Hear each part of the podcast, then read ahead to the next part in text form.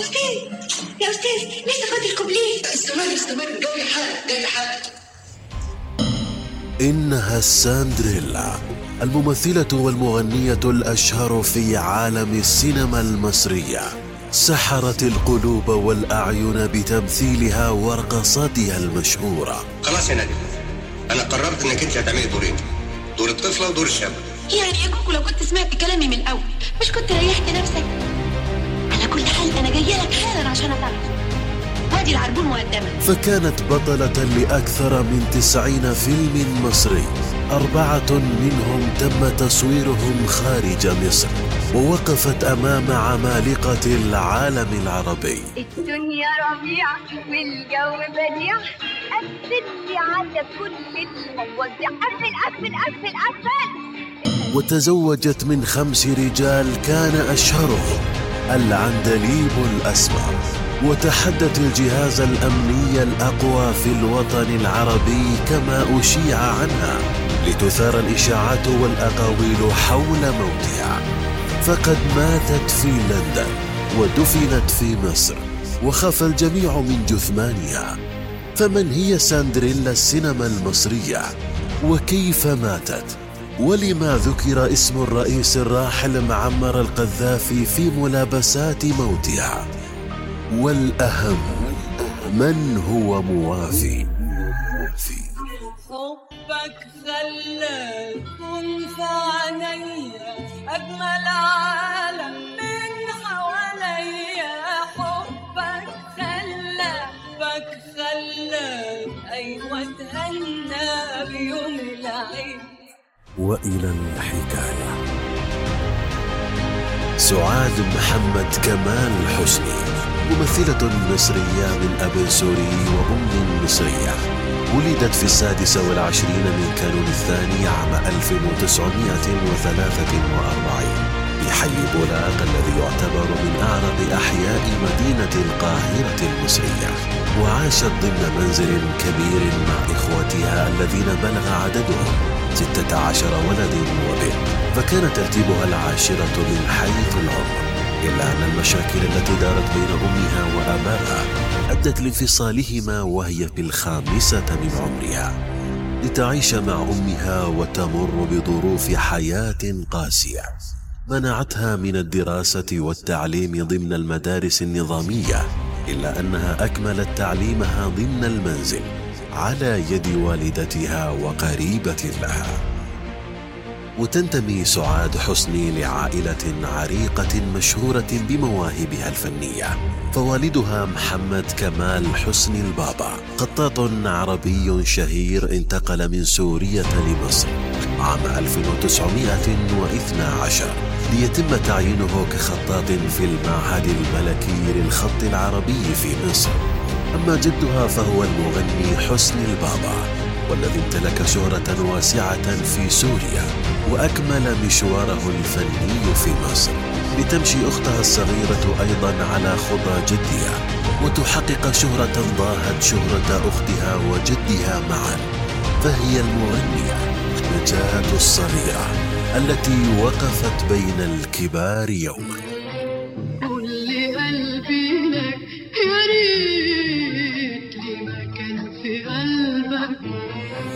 تميزت سعاد حسني عن إخوتها بخفة الظل وصوتها الجميل وقدرتها على تقليد الآخرين وتجسيدها للعديد من الشخصيات ليبدأ حلمها بالتمثيل يكبر شيئا فشيئا.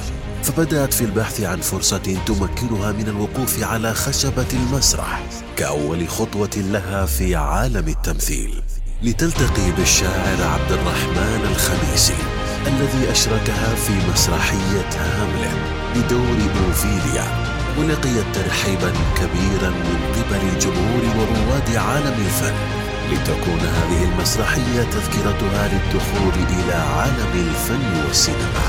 وفي عام 1959 ظهرت سعاد حسني بأول أفلامها في فيلم حسن ونعيمة يا أستاذ لقيتها المعجزه اللي بتدور عليها هي فين؟ في الاستوديو وذلك بعد إعجاب المخرج هنري بركات بها وإعطائها دور البطولة لتتوالى الأدوار من بعدها وتظهر بأكثر من عمل سينمائي وذلك بالتعاون مع كبار مخرجي العصر كصلاح أبو سيف وعز الدين ذو الفقار وحسن الإمام وتتشارك أدوار البطولة مع فرسان ذلك العصر.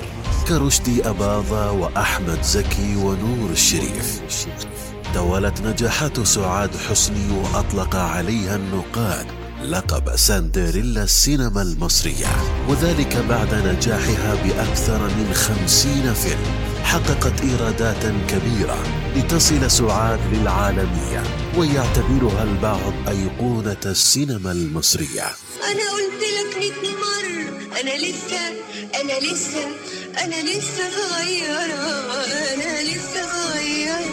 وفي عام 1996 احتلت سعاد حسني المرتبة الثانية ضمن قائمة أفضل ممثلي القرن العشرين من بعد فاتن حمامة.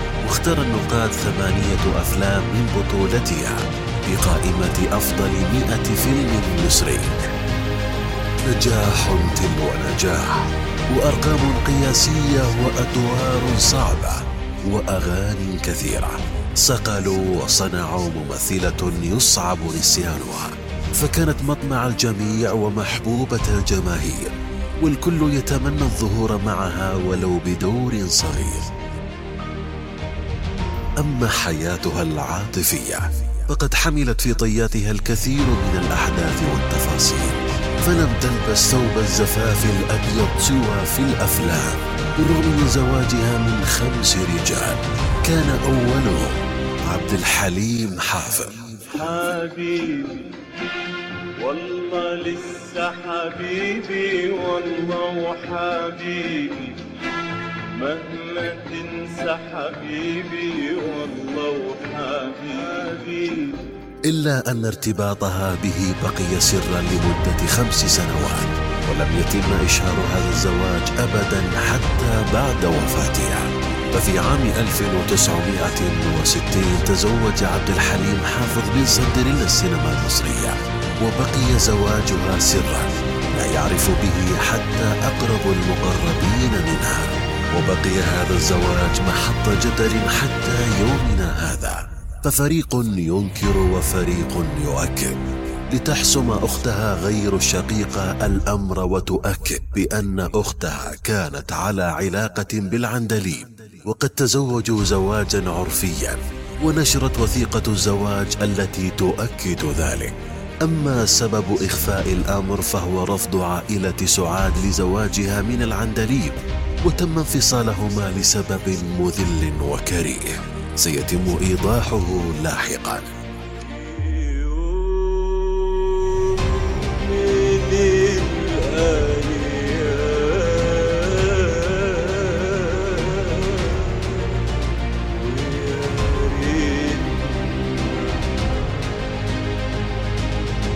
أسود حبايبي.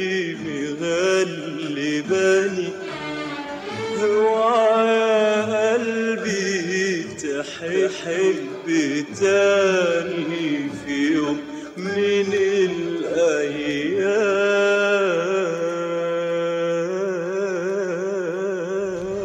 بعد انفصال سعاد حسني عن عبد الحليم حافظ تزوجت من المصور والمخرج صلاح كريم ودام زواجهما لمدة سنتين فقط وذلك لكثرة المشاكل بينهما لترتبط من بعدها بعلي بدر خان. ابن المخرج أحمد بدر خان.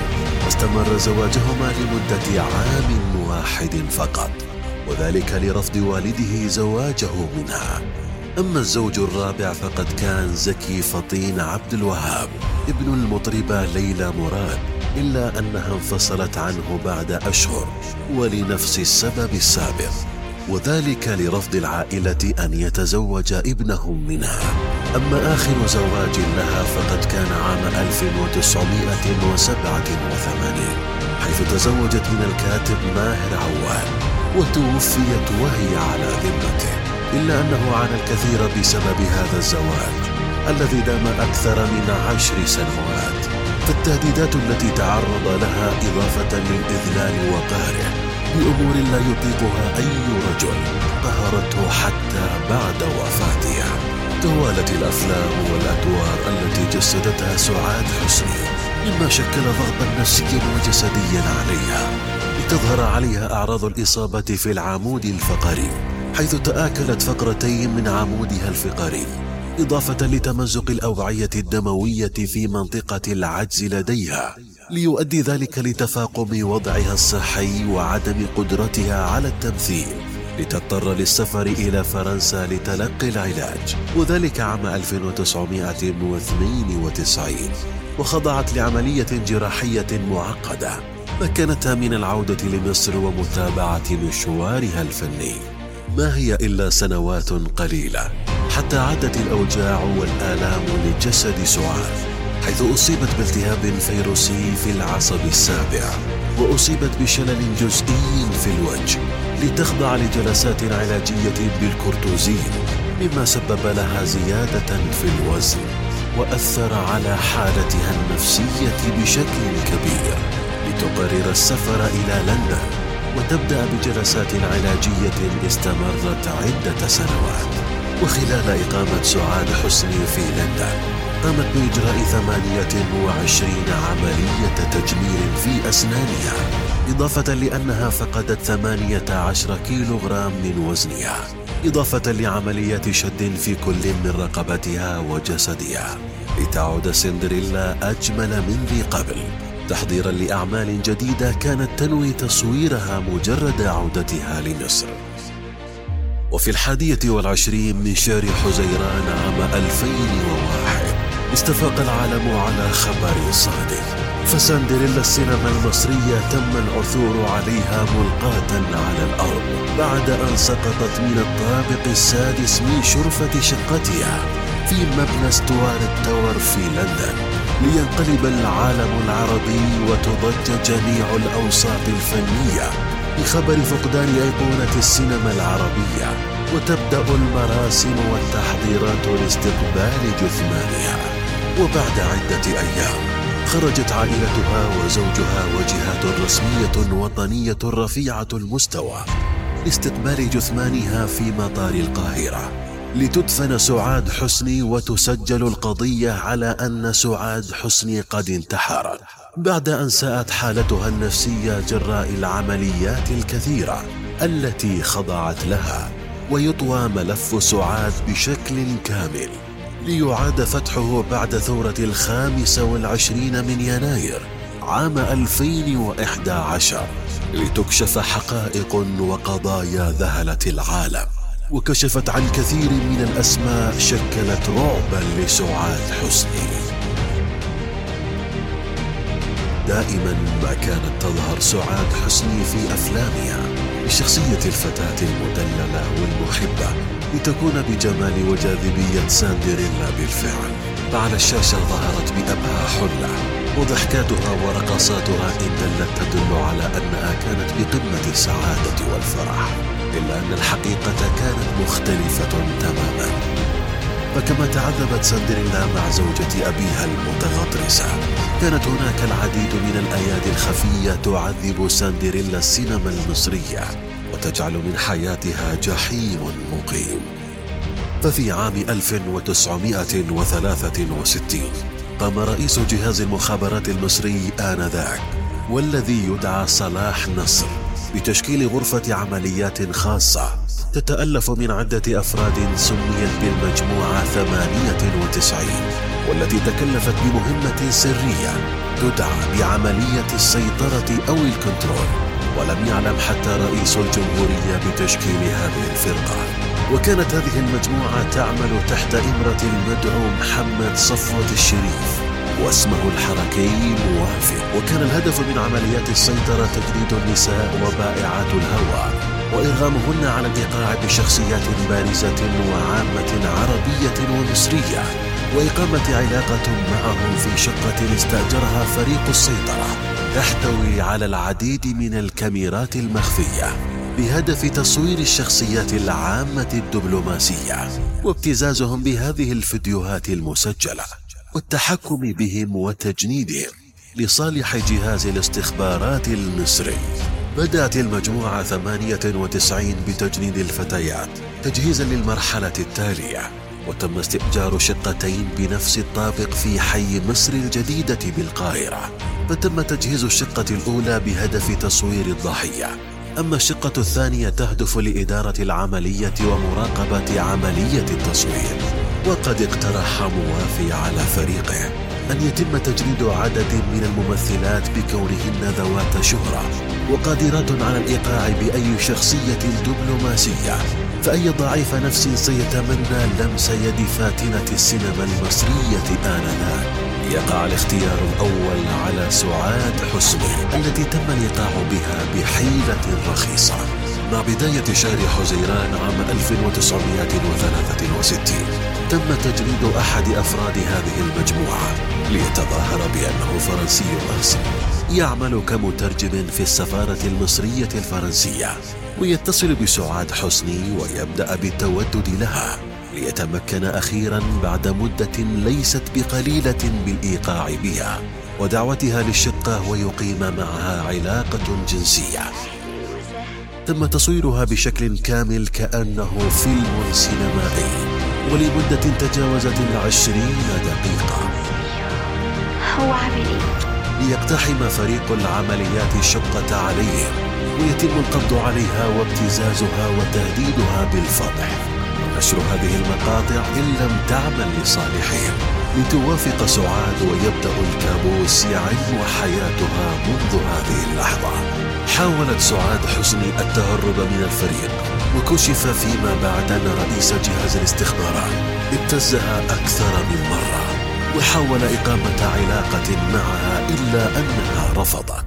ليرسل في طلب عبد الحليم حافظ ويعرض عليه الفيلم الذي تم تصويره لسعاد حسني لتنتهي علاقتهما عند هذا المشهد.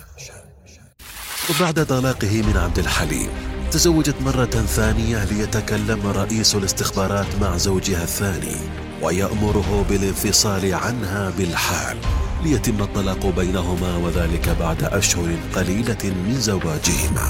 وبعد انفصالها عن زوجها الثاني نشرت فرقة السيطرة إشاعة تفيد بأن سعاد على علاقة مع رئيس الاستخبارات آنذاك صلاح النصر بهدف إبعاد الجميع عنها. وبهدف تهديدها حتى لا تتجرأ وتتهرب من أولى عملياتها.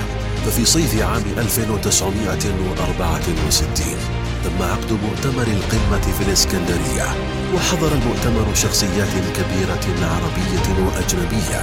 وكان من المقرر أن تحاول سعاد حسني إقامة عدة علاقات مع أكثر من رئيس ودبلوماسي عربي. إلا أن سعاد حسني كانت منشغلة بتصوير فيلم لها وبالرغم من محاولات الفريق بالتواصل معها إلا أنها لم تتجاوب معهم ليتم فصلها من العملية والاستعانة بالممثلات الأخريات التي لم يتم الكشف عن أسمائهن حتى يومنا هذا. وبالرغم من فصل ساندريلا من عمليات فرقة السيطرة إلا أنها عانت الكثير حيث تم إحضارها لمكتب المخابرات وعرض الفيلم عليها وتم تعنيفها جسديا ونفسيا إضافة لأن فيلمها الذي تم عرضه على أهلها وزوجها الأخير الكاتب ماهر بهدف إذلاله وقهره هو وزوجته وتبقى فكرة فضحها واردة حتى آخر يوم من حياتها. وفي عام 2021 ظهر الفنان سمير صبري في مقابلة على التلفاز. حكى فيها عن سعاد حسني وصرح بأن سعاد لم تكن تعاني من أي مشاكل نفسية. إضافة لأن سعاد قابلت أختها جانجا قبل أيام من وفاتها وأخبرتها أنها بأفضل حال وستتواصل مع المخرج سمير خفاجي للعمل على مسرحية تشبه مسرحية ريا وسكينة. فكيف لفنانة بهذا الطموح أن تقدم على الانتحار؟ وفيما بعد تم تسريب تقرير الطب الشرعي البريطاني. الذي أثبت أن جمجمة سعاد حسني لم يكن بها أي كسور فكيف سقطت من الشرفة ولم تتأذى جمجمتها إطلاقا؟ وقبل أن يصل جثمان سعاد لمصر صرحت بعض الجهات أن شعر سعاد تساقط بعد وفاتها بسبب تعرضها للكثير من المواد الكيميائية ومن الأفضل أن يتم دفنها مباشرة دون تغسيلها. بهدف عدم الكشف عن جثتها ومعرفة أسباب موتها لتفاجأ عائلتها عند وصول جثمان سعاد أنها بكامل شعرها ولم تفقد منه شيئا. فما سبب كل هذه الإشاعات والغموض الذي لف قضية سعاد حسني؟ وبالرغم من فضح عمليات فريق عمليات السيطرة وتحويلهم للتحقيق ومعاقبتهم إلا أنه لم يتوافر أي دليل يثبت أنهم من كانوا وراء موت سعاد حسني بعد أكثر من ثلاثين عاما. إلا أن الحقيقة التي تم التأكد منها لاحقا أن سعاد لم تنتحر. وإنما تعرضت للاغتيال دون وجود أي دليل رسمي يثبت ذلك أو يقود إلى الحقيقة. وقبل وفاة سعاد حسني بسنة واحدة وذلك في عام 2000 نشرت صحيفة ديلي مايل البريطانية أن الزعيم الليبي معمر القذافي عرض على صفوة الشريف شراء مجموعة أفلام سعاد حسني الإباحية ليوافق الأخير الذي كان يشغل منصب رئيس الجمهورية الأسبق حسني مبارك وذلك مقابل 100 مليون جنيه مصري. ليتم تأجيل الصفقة لوقت لاحق لأسباب مجهولة ليتبين فيما بعد أن جهاز المخابرات المصري كان يلاحق سعاد حسني وتم تصويرها العديد من الأفلام ولم يعرف إن كانت هذه الأفلام دون علم سعاد أم كانت بتجنيد من جهاز المخابرات المصري. وبكل الأحوال عزيزي المستمع لم من المحزن أن ينتهي حال سندريلا السينما المصرية بهذا الشكل وكم نتمنى كشف الحقيقة ومعاقبة الجاني حتى لا يبقى موت سعاد حسني مقيدا ضد مجهول والآن السؤال لك عزيزي المستمع ما هو رأيك في هذه القضية؟ شاركني رأيك في التعليقات عبر حسابنا وحتى الحلقة القادمة. كونوا حذرين.